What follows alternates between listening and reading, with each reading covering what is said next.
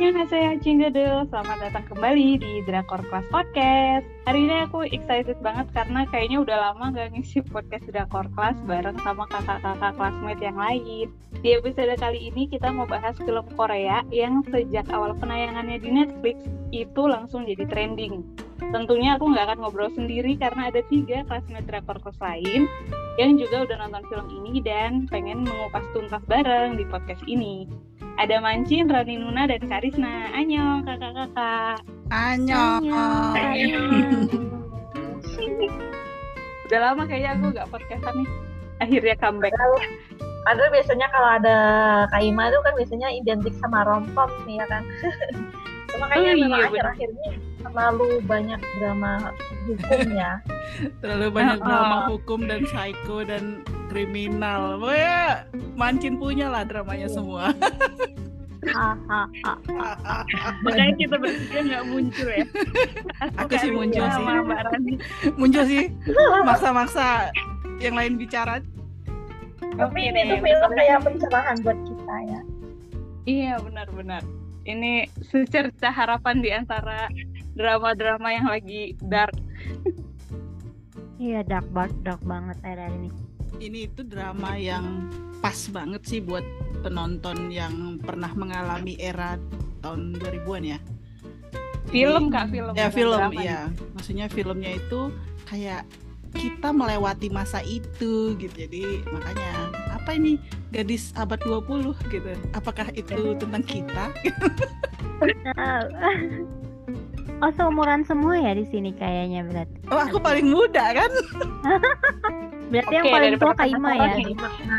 Iya nih, aku berubah jadi aku masih mengalami masa-masa ada di skate. Aku juga Oh ada ya masih ya. masa-masa. Oke, udah pada siap nih bahas film 20th Century Girl. Oke, kita mulai dulu dari biasa nih, Mancin mendongeng dulu tentang sinopsis sama pemainnya siapa aja nih. Gimana Mancin? Oke Kaima. Jadi apa sih bacanya 20th Century Girl gitu ya? Cara pronunciation. Bilang aja gadis abad ke-20 lah. Ah ya, gadis abad ke-20. Film ini tuh mengambil latar belakang di sekitar tahun 1999. Diperankan oleh karakter utamanya itu namanya Nabura yang diperankan oleh Kim Yoo Jung yang seperti kita tahu adalah seorang artis cilik Korea yang sekarang sudah tidak cilik lagi tapi menjelma menjadi salah seorang romcom queen ya mungkin masih princess kali ya kalau sekarang tapi udah mulai dewasa lah ya umur kalau tadinya kan dia yang waktu main di film-film kayak sagek gitu kan masih bocil banget gitu. Kalau sekarang kan udah banyak ya main-main romantis juga gitu. Terus mm-mm. terus drama ini tuh uh, menceritakan pertamanya itu tentang, tentang persahabatan persahabatan Nabora dengan Yundu.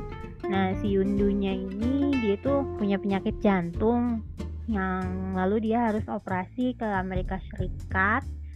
Dan mereka berdua nih BFF banget lah ya sahabatan udah dari kecil. Semua nggak ada rahasia segala macam. Nah si Undunya ini jatuh cinta sama salah seorang cowok yang datang ke tokonya. Nah gitu dia tuh naksir sama cowok namanya Baekhyun Jin Nah, dia tahu itu namanya Baekhyun Jin karena pas datang ke toko peragamnya itu di name tag-nya itu ada namanya Baekhyun Jin gitu. Jadi nitip tuh tadinya tuh si Yun Yundu ini udah nggak mau pergi eh, ke Amerika gara-gara jatuh cinta nggak penting banget sih sebenarnya. Tapi ya udah akhirnya si Boranya ini bilang udah kamu pergi aja ke Amerika nanti si cowok ini kabar tentang si cowok ini aku kirimin via email email which is yang zaman dulu tuh masih pakai ini ya komputer tabung ya nggak sih masih ngalamin nggak sih ngalamin lah ya ngalamin kan kalian Ngalamin dong. kan ya Emangnya tiba-tiba langsung Iya. flat screen. Yang kayak di dramanya 25 21 itu yang kotak Iya. CPU-nya di bawah monitor ya. Lah, iya iya iya iya, masih yang gitu ya yang ininya juga yang ngetiknya tuh masih lama gitu ya ya aduh tuh Loadingnya banget deh itu komputer. Heeh. Nah masih email-emailan gitu tuh Yundu sama Nabora tuh masih kayak gitu. Iya. Akhirnya tuh uh, Yundu pergi ke Amerika. Nah si Nabora ini masuk ke sekolah dan mulai cari-cari tentang mana sih yang namanya Baekhyunjin gitu. Si lah yang ditaksir sama sahabatnya ini. Lalu akhirnya dia ketemu deh tuh. Ketemunya pertama-tama di bis di bis pas perjalanan mau ke sekolah. Oh ini toh yang namanya Baekhyunjin. Semenjak itu semua kegiatannya dia tulis ya, ditulis, diketik di email, difoto dan segala macam. Foto-fotonya dikirim via surat. Pokoknya eh, memastikan Yundu ini tahu kabarnya Baekhyunjin tuh kayak gimana gitu. Akhirnya mereka deket deket jadi sahabatan si Baekhyunjin sama si Nabora ini. Karena si Nabora ini bener-bener kayak stalker gitu ngikutin si Baekhyunjin ke mana aja sampai ada dia tahu kalau si Baekhyunjin ini ikut ekstrakurikuler ya. Oh ini so Iya. Penyiaran ya. Eh, apa? Ah ah, pe- ikut ikut klub penyiaran nah di situ dia juga kenal sama sahabatnya Baekhyunjin yang namanya Pung Wonho yang diperankan oleh si ganteng Bion Wusuk eh siapa di sini yang suka Bion Wusuk ada nggak ada nggak aku doang Siapa? Siapa? Aku, aku, aku juga. itu itu tuh yang main di Record of Youth kan? Eh Hmm. iya iya yang jadi second lead ya dia di situ di Record Iya. of Youth Sama ya aku kan inget juga di ini juga di itu yang Yang Flower drama Crew. miras itu. Yang Iya, apa? Flower Crew. Iya. Flower Dia Crew. paling ganteng. Yang yang sama Kim Min Jae. oh iya iya benar panjang. Ah, di situ Kayak perempuan. Sama banget. Moonshine juga. Ya, Moonshine yang drama miras. Oke, nah lanjut ya. Jadi si sahabatnya ini si Pung Ho ini akhirnya kayak apa ya saling suka lah sama si Nabora ini. Dan Naboranya juga karena mikirnya oh si sahabatku ini naksirnya sama Baekhyunjin ya nggak apa-apa dong kalau dia taksir taksiran sama Pung Ho. Orang itu kan dia sahabatan doang gitu kan. Ya udah akhirnya mereka saling jatuh cinta. Which is ternyata saat Kim Yundunya pulang dari Amerika mereka bertemu berempat gitu kan. Ternyata yang Kim Yundu maksud dengan Baekhyunjin itu adalah Pung Won-ho jadi Nabora adalah naksir sama yang ditaksir sahabatnya sendiri. Kan jadinya zong. Akhirnya setelah itu Naboranya mulai menjauh dari Pung Won-ho titik titik titik bersambung. Yuk kita bahas. Tunggu dulu, tunggu dulu. Sebelum kita bahas. Ada yang bertanya-tanya nggak sih? Ini kayaknya ekskul broadcasting tuh kayaknya lagi musim banget ya tahun 99 itu, 99 2000. Ingat kan yang di 25 21 si Baek Ijin juga kan ekskulnya Iya. broadcasting kan ya? Radio sekolah kan? iya iya iya Terus benar, ini juga.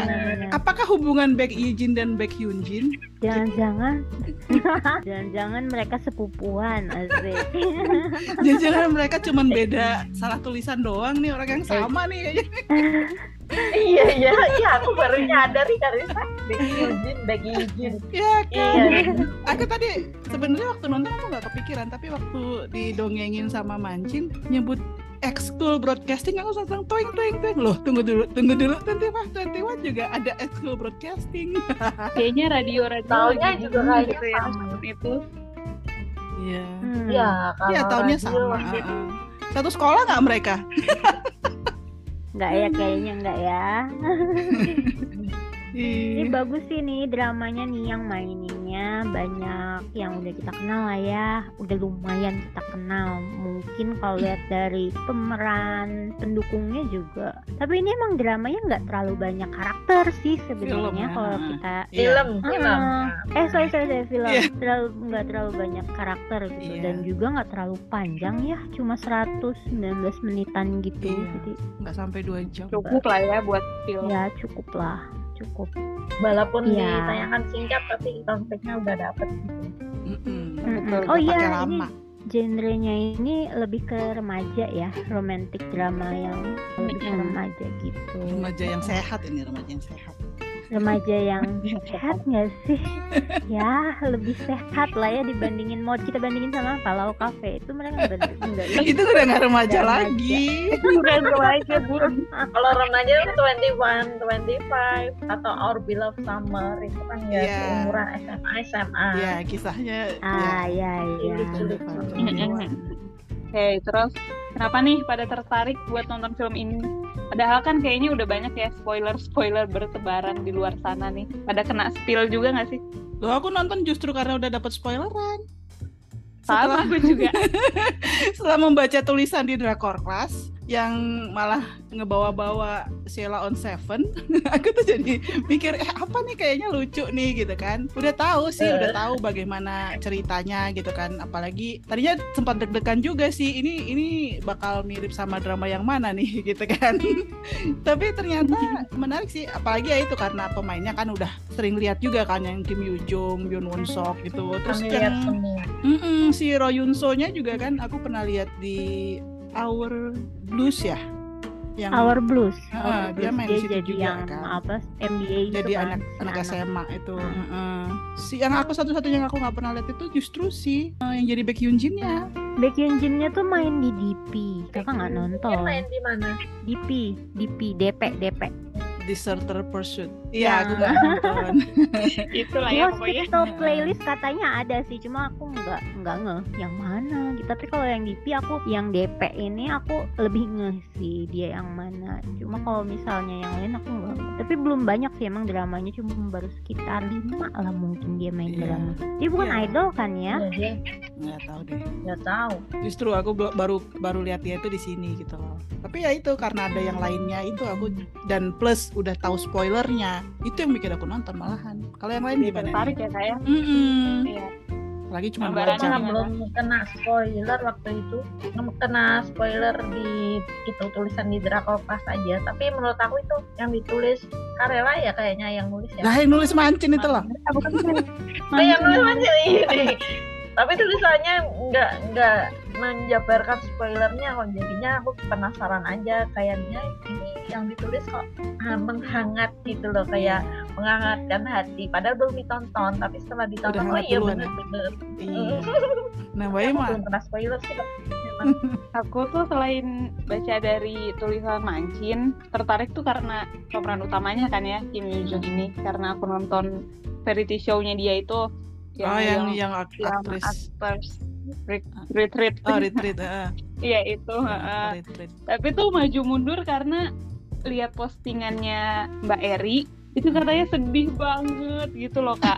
Terus jadi kayak iya ragu-ragu kan aku males ya nonton yang sedih-sedihan gitu gitu akhirnya aku malah nonton dramanya dia yang Love in the Moonlight dulu tuh giliran udah beres jadi kayaknya tertarik juga gitu buat nonton akhirnya nonton juga deh iya ini Gitu. orang orang-orang pada bilang sedih gitu kan aku pikir sebenarnya nggak sedih loh tapi ya aku juga nggak ngerasa sedih sih biasa Iya. aja gitu loh ya memang happy Ya, ya ceritanya ya hangat Pak. masa lalu aja lah gitu ya tapi cukup Hmm. menyenangkan sih nggak walaupun akhirnya ya sedih tapi ya nggak sedih banget. Iya, sepanjang kita cerita itu- nangis. sepanjang menonton itu kita justru nggak merasa sedih kan ya kalau aku sih ya. Penutupnya aja yang ada. Tapi karena nggak ada penjelasan juga ya nggak terasa sedih sih kalau aku. Apalagi sebenarnya gini kan depannya kan eh, cara berceritanya kan udah ditunjukin dia yang dewasa kan. Orang dewasanya terus kelas balik gitu ya. Jadi kayak udah udah feeling sih ini ah, ya udah udah kena spoiler juga sih vibe-nya itu memang mirip-mirip sama drama-drama yang lagi musim sekarang lah yang kilas balik ke masa lalu ke zaman-zaman 1999 2000 gitu kan kayak 2521 gitu. Tapi kalau dibilang sama dengan 2521 juga enggak gitu. Bahkan tadi tuh ada temenku nanyain, "Eh, katanya eh, 20th Century Girl ini mirip AADC ya?" Ya enggak lah. gitu. Banget. dari mananya ya kan Iya, maksudku aku bahkan baru dengar tuh ada yang nganggap itu sama dengan ada apa dengan cinta gitu. Itu mah nih, Rangganya kayak nggak kenal teknologi gitu berapa tahun kemudian baru menghubungin pakai line iklan banget deh. iya bener Ini kalau ini kan ma- masih masuk akal ya mereka memang email-emailan gitu kan sampai kemudian Ad- dan Iya, ditunjukin iya, kan iya. mulai beru- berubah ke teknologi telepon kan ada dia kan kayak kasih telepon genggam gitu itu kan masih awal-awal ada telepon genggam kan memang kan gitu Iya. Sampai kemudian Dari tidak pager ada ya, balasan iya dari pager terus ya berkembang ke email berkembang ke telepon Handphone. genggam gitu heeh. terus juga ya kayak disket apalagi tuh tadi memang ini banget ya kita men- kayak VCD, VCD. eh, VCD handycam Iya. gitu. jadi kayak perasaan eh dulu gua tahu nih kayak gini nih eh gue pernah lihat nih benda yang ini kalau anak zaman now mungkin nggak tahu itu apaan sih? Benda prasejarah apa itu gitu. Mungkin mereka malas nonton karena jadul ya, nggak kenal sama itu semua. iya mereka taunya langsung jadi internet aja gitu. Ini ngomongin yang generasi Z ini. Iya zaman now lah zaman now. Kita generasi apa ya? Milenial kita kan. oh iya. Oh iya benar-benar. Iya ini cerita zaman milenial memang benar-benar. Mm-mm. jadi kalau aku ngelihatnya udah bener mirip Sheila on Seven sih emang ceritanya ya yang kisah klasik untuk dikenang gimana gimana Mancin coba dinyanyikan satu bait Coba, yang coba. nyanyi nih. coba dinyanyikan satu bait gitu Mancin aja biasanya yang bisa. Gimana ya? Kok aku tiba-tiba buta nada gini? Kisah klasik untuk masa depan. Eh gimana sih? Aduh, aku sampai lupa nadanya ya kan. Tapi emang itu ini sih. Aku somehow nonton itu emang bener-bener kayak ke flashback ke ke masa itu gitu, yang pakai pager. Tapi mungkin mereka pakai pager SMA ya. Aku SD kalau nggak salah. Mungkin beda sedikit umurnya agak beda dikit lah ya sama mereka. Nah terus yang namanya ponsel masih segede-gede apa tahu ya kan. Iya. Terus telepon umum, terus yang gimana cara mereka berkomunikasi, terus kayak masih nonton uh, video, ah bukan video dong, CD ya, CD, CD Iya, apa video yang di, uh, uh, uh, kan, yang di yang yang disewainnya tuh apa sih?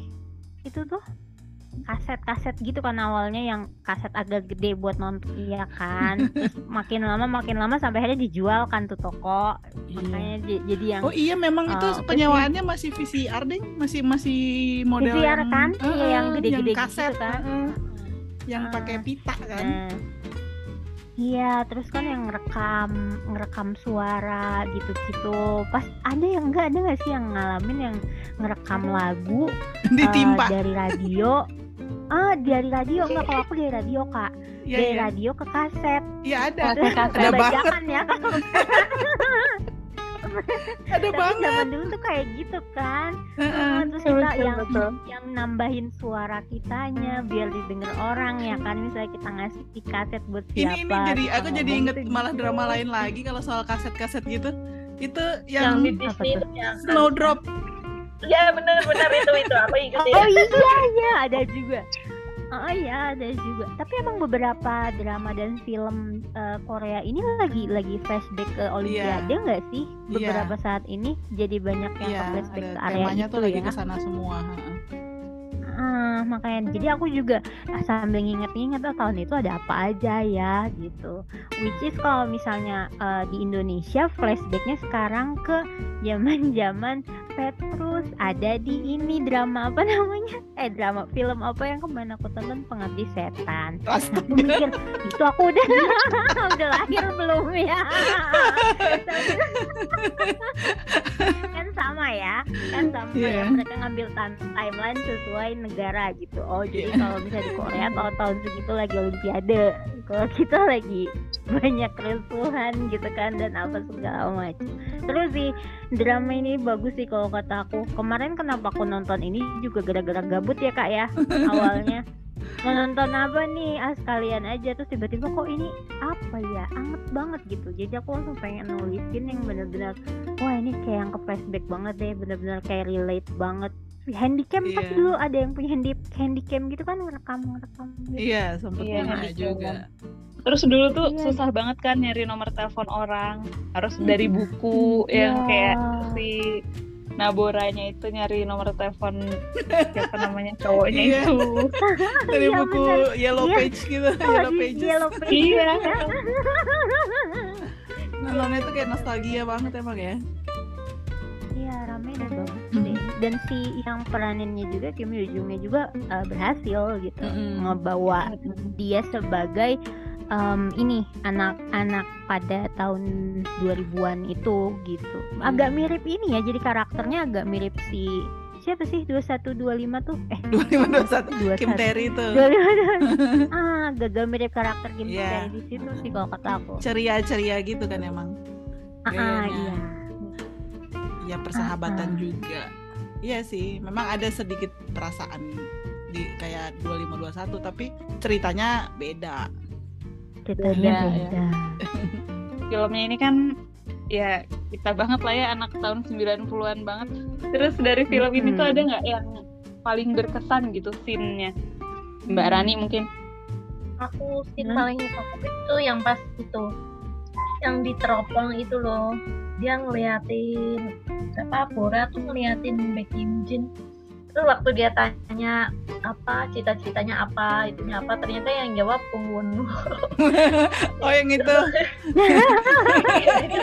Dia lagi kepoin si Baek Hyun Jin ya Bang Hyunjinnya tata si pembunuhnya ngejawab dirinya. Iya itu lucu. Hmm, sama itu yang pas Bora yang pantai kayaknya apa di mana sih yang dia ngeliatin pembunuh. Terus Baek Hyun Jinnya kayak sadar oh kamu nolak aku ternyata gini tuh alasannya. Itu loh di situ aku eh iya. Kalau Mancin, Kalau aku udah jelas lah ending terakhir lah itu yang pas lagi nonton videonya yang dibikinin sama adiknya si Wong Moon Ho itu bener-bener kayak yang apa ya? Ya bagus lah itu seni. Eh, dia bikin video kayak gitu pameran. Pameran. Bagus. Heeh, Mm-mm. pameran kayak gitu keren sih kalau kata aku. Dari videonya artistik banget. Pas tahu ternyata kenapa dia bikin kayak gitu membuat terenyuh gitu kan ya. Oh, ternyata untuk mengenang kakaknya yang sudah meninggal gitu kan. Ah, Zong. Itu di situ langsung sudah kudugong gitu kan. Ternyata dia meninggal. spoiler abis. Eh, iya lupa kan lupa kan jadi dikit spoiler iya pokoknya endingnya begitulah nah aku tuh pas ngeliat gimana dia merekam rumahnya dalam ingatan itu tuh kayak bikin aku relate juga gitu. Aku juga punya rumah masa kecil yang bener-bener mungkin kalau misalnya aku punya kemampuan membuat video 3D seperti itu pun aku pengen gitu punya kenangan dalam sebuah video yang bisa dijadikan pameran dengan seindah itu untuk mengabadikan kenangan kita di masa kecil itu gitu. Kan keren banget ya. Terus pas dilihat eh, itu dong yang rekamannya Pung Won-ho yang dari masa ke masa itu kan. Teman-temannya direkam keadaan di sekolah direkam. Which is aku ngerasa gini loh eh kalau misalnya kita punya rekaman kayak gitu dulu gitu kayaknya seru ya nggak sih? Gitu yang bisa kita lihat di saat kita udah pada udah lanjut usia gitu. Jadi Udah ganti kayaknya, zaman. wow. Heeh, gitu kan pas kita nonton lagi oh ya kita pernah muda gitu kan. Jadi kita kayak punya apa ya legacy lah. Which is kalau kita kan mungkin lebih seneng nulis ya kak ya. Jadi kita Iya. bisa lihat di blog kita dari tahun ke tahun. Tapi kalau misalnya kita benar-benar punya istilah rekaman yang benar-benar kualitasnya bagus yang bisa kita lihat saat kita udah lebih lanjut gitu itu kan pasti suatu hal yang priceless banget gitu. Mungkin itu sih scene yang benar-benar aku suka Kak Ima Hmm, kalau Kalisna, kalau aku susah milih aku suka semuanya. Jadi aku suka walaupun agak klise ya kayak yang salah paham salah suka yang si ini suka sama si itu kemudian gara-gara sahabatan mereka nggak bisa yang gitu-gitu kan. Ya aku suka aja dengan keceriaan yang ditunjukin sama si anak sekolahan itu gitu dan persahabatannya juga gitu. Terus waktu dia pura-pura enggak kok gue nggak apa-apa gitu. Apalagi waktu mereka naik roller coaster loh yang si. Unghunnya padahal kan dia takut ketinggian gitu tapi dia tetap nekat gitu demi demi menyatakan perasaannya gitu. Jadi susah sih kalau disuruh milih satu ya. Jadi makanya aku bilang walaupun ini aku udah tahu spoilernya udah tahu endingnya gitu ya waktu nonton tuh rasanya tetap seneng aja gitu nontonnya gitu ngelihat proses yang terjadi di ya. dalamnya gitu. Heeh, gitu manis tetap hangat. terhanyut dalam Iya. film. Susah memilih. Gitu deh. Oke. Kalau aku aku ada dua yang pertama itu yang waktu temennya ngomong sama Baek Hyun Jin ya Iya. kalau si Nabora itu suka sama dia gitu sama si Pung Won Hu itu Hmm. Iya yang dia cerita si Bora ini tuh dari dulu ngalah terus sama dia gitu-gitu. Aku justru sedihnya tuh di situ kak. Iya. So sweet Kayak ya mereka temennya ya. Sweet banget Dapet gitu sahabatannya gitu tuh. ya. Heeh, bener. Yang itu sama yang kedua yang pas Naboranya ikut kencan buta itu loh blind date sama Ternyata namanya sama. namanya juga gitu namanya terus dia nangis yang kejer sampai dikira orang-orang tuh ini diapain diapain Wunhunya tuh bilang enggak enggak gue nggak ngapa-ngapain dia kok gitu kan lucu. bodor sih itu dua itu tuh ya ya ketawa lah lucu bagus Iya. bagus berkesan Iya. Terus tadi ya sedih nggak sih filmnya sebenarnya Enggak. mungkin banyak Enggak. yang banyak yang kayak aku ragu-ragu buat nonton gitu kan aduh takut nangis akhirnya nontonnya Iya biasa ada dikit-dikit gak apa-apa gitu. Se- ya, Iya. Secara keseluruhan menyenangkan ya Mbak Rani ya. Tidak sedramatisir drama-drama yang sedih film yang sedih banget gitu. Apalagi film yang ujung-ujungnya endingnya membagongkan ini tuh enggak bener-bener. Iya benar real. Terus bener nyata juga oh ini loh kisah kisah gadis zaman 21 itu memang gini kisahnya menyenangkan banyak cerita menarik walaupun mungkin endingnya tidak sesuai yang kita harapkan tapi sudah cukup bagus lah untuk menghibur kita semua Setuju. setuju kan Hmm, bener. Tapi emang kayaknya setiap kita pasti punya deh. Maksudnya suatu kenangan gitu ya di masa itu yang mana kalau misalnya di saat kita udah seumuran kayak gini, eh ini tuh drama itu tuh relate deh sama keadaan gua saat itu yang mana misalnya yang nggak tahu naksir-naksir atau cowok atau gimana atau misalnya ada hubungan sama sahabat yang kayak gimana ini tuh lebih ke eh, bener-bener deket gitu sama kehidupan kita jadi nggak nggak yang fiction yang Iya. ah, menye menye atau apa jadi kalau misalnya dibilang ini sedih atau enggak mungkin aku lebih bisa bilang ini hangat ya karena Hangat. memang yes, bener-bener setuju. leb- deket banget lah relate banget sama sama sama keadaan aku gitu. Jadi pas nonton tuh yang ya? Ah realistis banget. Jadi nggak nggak nggak alchemy. Eh gimana?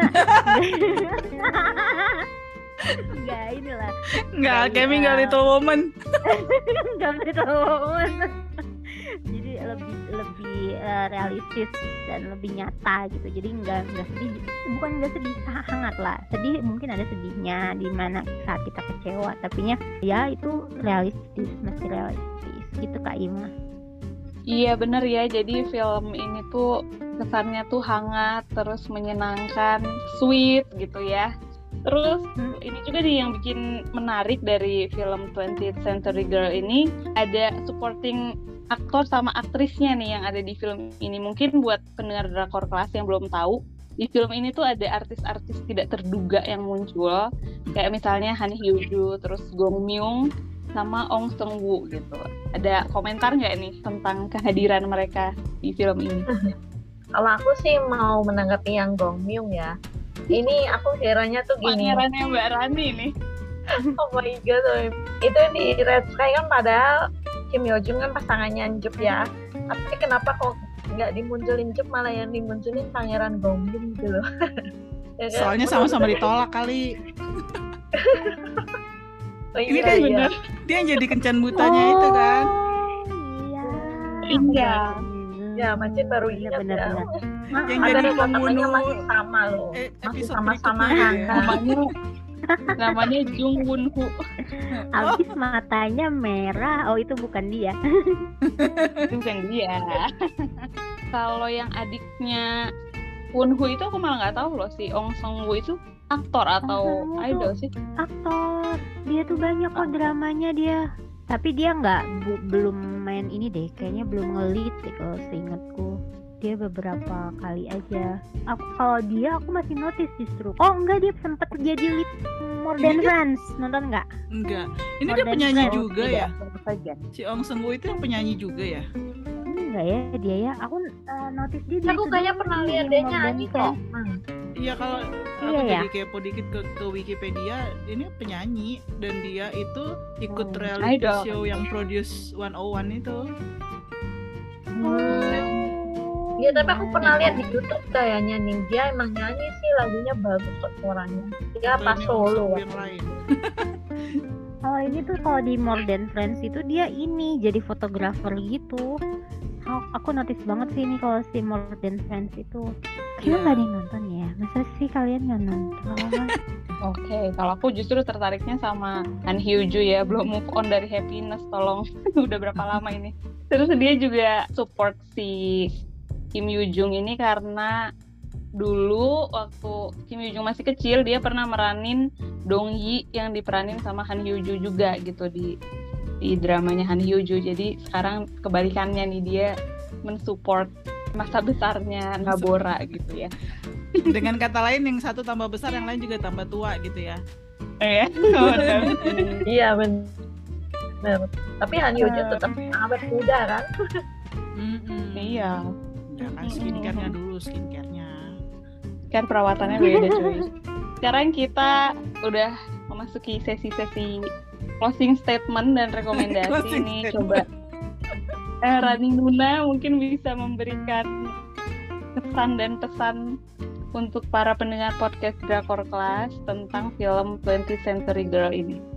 Hmm, jadi gini Cindul kalau kalau pengen nonton film yang bener-bener kesannya tuh kayak memutarbalikkan memori-memori kita buat terutama buat generasi milenial ya. Soalnya ini kan kebanyakan menyangkut memori yang ada di tahun 2000-an ini memang menarik sih terutama kita bahas teknologinya terus kisah kasihnya. Kalau kisah kasih ini seperti kayak kata teman-teman di Drakor sih lebih mirip kayak lagunya Sheila on Seven yang ngehit juga di tahun 2000-an kisah klasik untuk masa depan ya. Walaupun endingnya lah nggak sesuai katakan gitu nggak sesuai harapan kita tapi paling tidak ya cukup gimana mengena di hati gitu loh kayak kalau dibandingin sama 25-21 ya sama sih endingnya bisa juga kan cuma tetap aja itu hangat gitu loh kayak kita mengingat mantan kita yang perlu kita buang itu oh iya itu pernah ada tapi nggak usah dibahas terus gitu lah tapi begitulah kira-kira Mm-mm. Move on tetap jalan ya. Buanglah Ya, mantan harus pada Tetap tempatnya. move on Emang dan ada mantan yang meninggal nggak ada kan? Enggak sih. Oke, Karisna atau Mancin ada kesan-kesan Mancin nyanyi dong. Jadi apa? Nyanyi Sheila on Seven-nya dong. Ya ampun, aku lihat dulu liriknya ini aku kagak hafal. Tapi itu emang lagu ini enggak sih setiap kayak ada em, pensi gitu-gitu tuh masih selalu bisa dinyanyiin karena itu lagunya bagus banget liriknya kalau menurut aku. Kalau aku paling suka bait yang bersenang-senanglah karena hari ini akan kita rindukan di hari nanti sebuah kisah klasik untuk masa depan. Aku paling suka yang itu karena emang apa ya? Bener gitu. iya Eh, bener kayak ya? gitu lah Ya kan kalau misalnya kita lagi kumpul sama temen istilahnya kita ketemu nih sama temen-temen SMP atau temen-temen SMA itu tuh waktu yang saat dulu kita bersenang-senang tuh memang sangat bisa diingat saat ini gitu. Ya, Iya. ya emang itu lagunya relate banget sih sama filmnya yang ini. Kalau menurut aku gitu. Setuju. Pokoknya nonton, pokoknya nonton. Karena itu aku bilang walaupun udah tahu endingnya, udah tahu spoilernya, udah kita ceritain panjang lebar, itu tuh menonton itu beda dengan mendengarkan cerita dari orang atau membaca Ya. spoileran gitu loh. Karena it's not about the ending gitu loh. It's about the story itself gitu loh. Kalau Iya, menurut aku sih gitu. Jadi nonton aja cuma dua jam kok alah Benar, betul sekali. Iya benar. Dan setelah nonton film ini juga nggak ada rasa kesel atau apa sih sesuatu yang bikin sesek endingnya tuh enggak gitu ya. buat gue sih enggak gitu, ya walaupun banyak juga sih Iya. yang kayaknya kesel karena ya itu mereka selalu pengennya happy ending itu ya adalah harus bersama-sama gitu ya sama lah dengan kan banyak juga yang protes endingnya 25-21 endingnya yang lain-lain yang nggak bersama itu dianggap ending yang buruk gitu. Padahal kan nggak gitu ya. Paling enggak tuh kalau kalau menurut aku en- ending ini tuh masih lebih bagus daripada Iya. ending filmnya On Your Wedding Day. Itu pengen oh sebel banget. Itu. Itu lagi tambah. Bener-bener oke. Padahal sama sama kita SMA tapi pengen tak. Bener-bener aku, Gitu. aku hampir lupa dengan film itu tapi itu juga hmm, oke ya benar itu itu lebih nyesek lagi sih. Yang ini tuh ada closure ya udah semuanya Iya, itu jelas ini tuh gitu. jelas gitu endingnya tuh jelas terus udah nggak ada pertanyaan lagi. Iya. dan Ya, ya udah gitu dia tetap move on menjalani hidup aja gitu kan mood lah ya. Nggak iya. Nggak kayak itu maksa banget. Itu bentar Kalau lagi uh, iya. Kim Yong Kwangnya bentar lagi mau jadi somebody mau jadi somebody yang menyeramkan. Walaupun nggak ada ini ya kak, nanti kita bertemu lagi gitu kan. iya. Nggak ada ketemu di akhirat Nggak Iya. apa-apa lah. jadi ada ganti genre nih ceritanya? Oke oke oke. Gimana Cinggu? Makin penasaran buat nonton film 20th Century Girl abis dengerin podcast kita? Atau udah cukup? Nggak ya nonton ya? nonton. Nonton di Nonton. Netflix tuh ya. Sampai sekarang masih Oh iya, trending nonton kok itu filmnya. Oke, aku tutup ya podcastnya ya. Udah nggak ada lagi nih yang mau disampaikan. Udah. Udah ya. Kalau nggak ada, aku mau kasih info yang wajib ada di setiap akhir podcast kita. Yaitu, jangan lupa Adalah. follow sosial media kami di IG, Twitter, TikTok, YouTube, Drakor Class. Jangan lupa juga baca blog www.drakorclass.com buat nyari ulasan drama atau film Korea, K-pop, variety show, dan semua hal-hal terkait Korea. Teman-teman juga bisa mengirimkan tulisan seputar Korea melalui email drakorclass@gmail.com. Dan yang terakhir banget nih, ikutin terus podcast Drakor Class. Dengerin juga episode-episode kita yang lain yang gak kalah seru dari episode hari ini. Oke, gue mau mancin Kak Risna dan Rani Nuna. Annyeong! Annyeong. Annyeong. Gak mau. bye bye Makasih semuanya.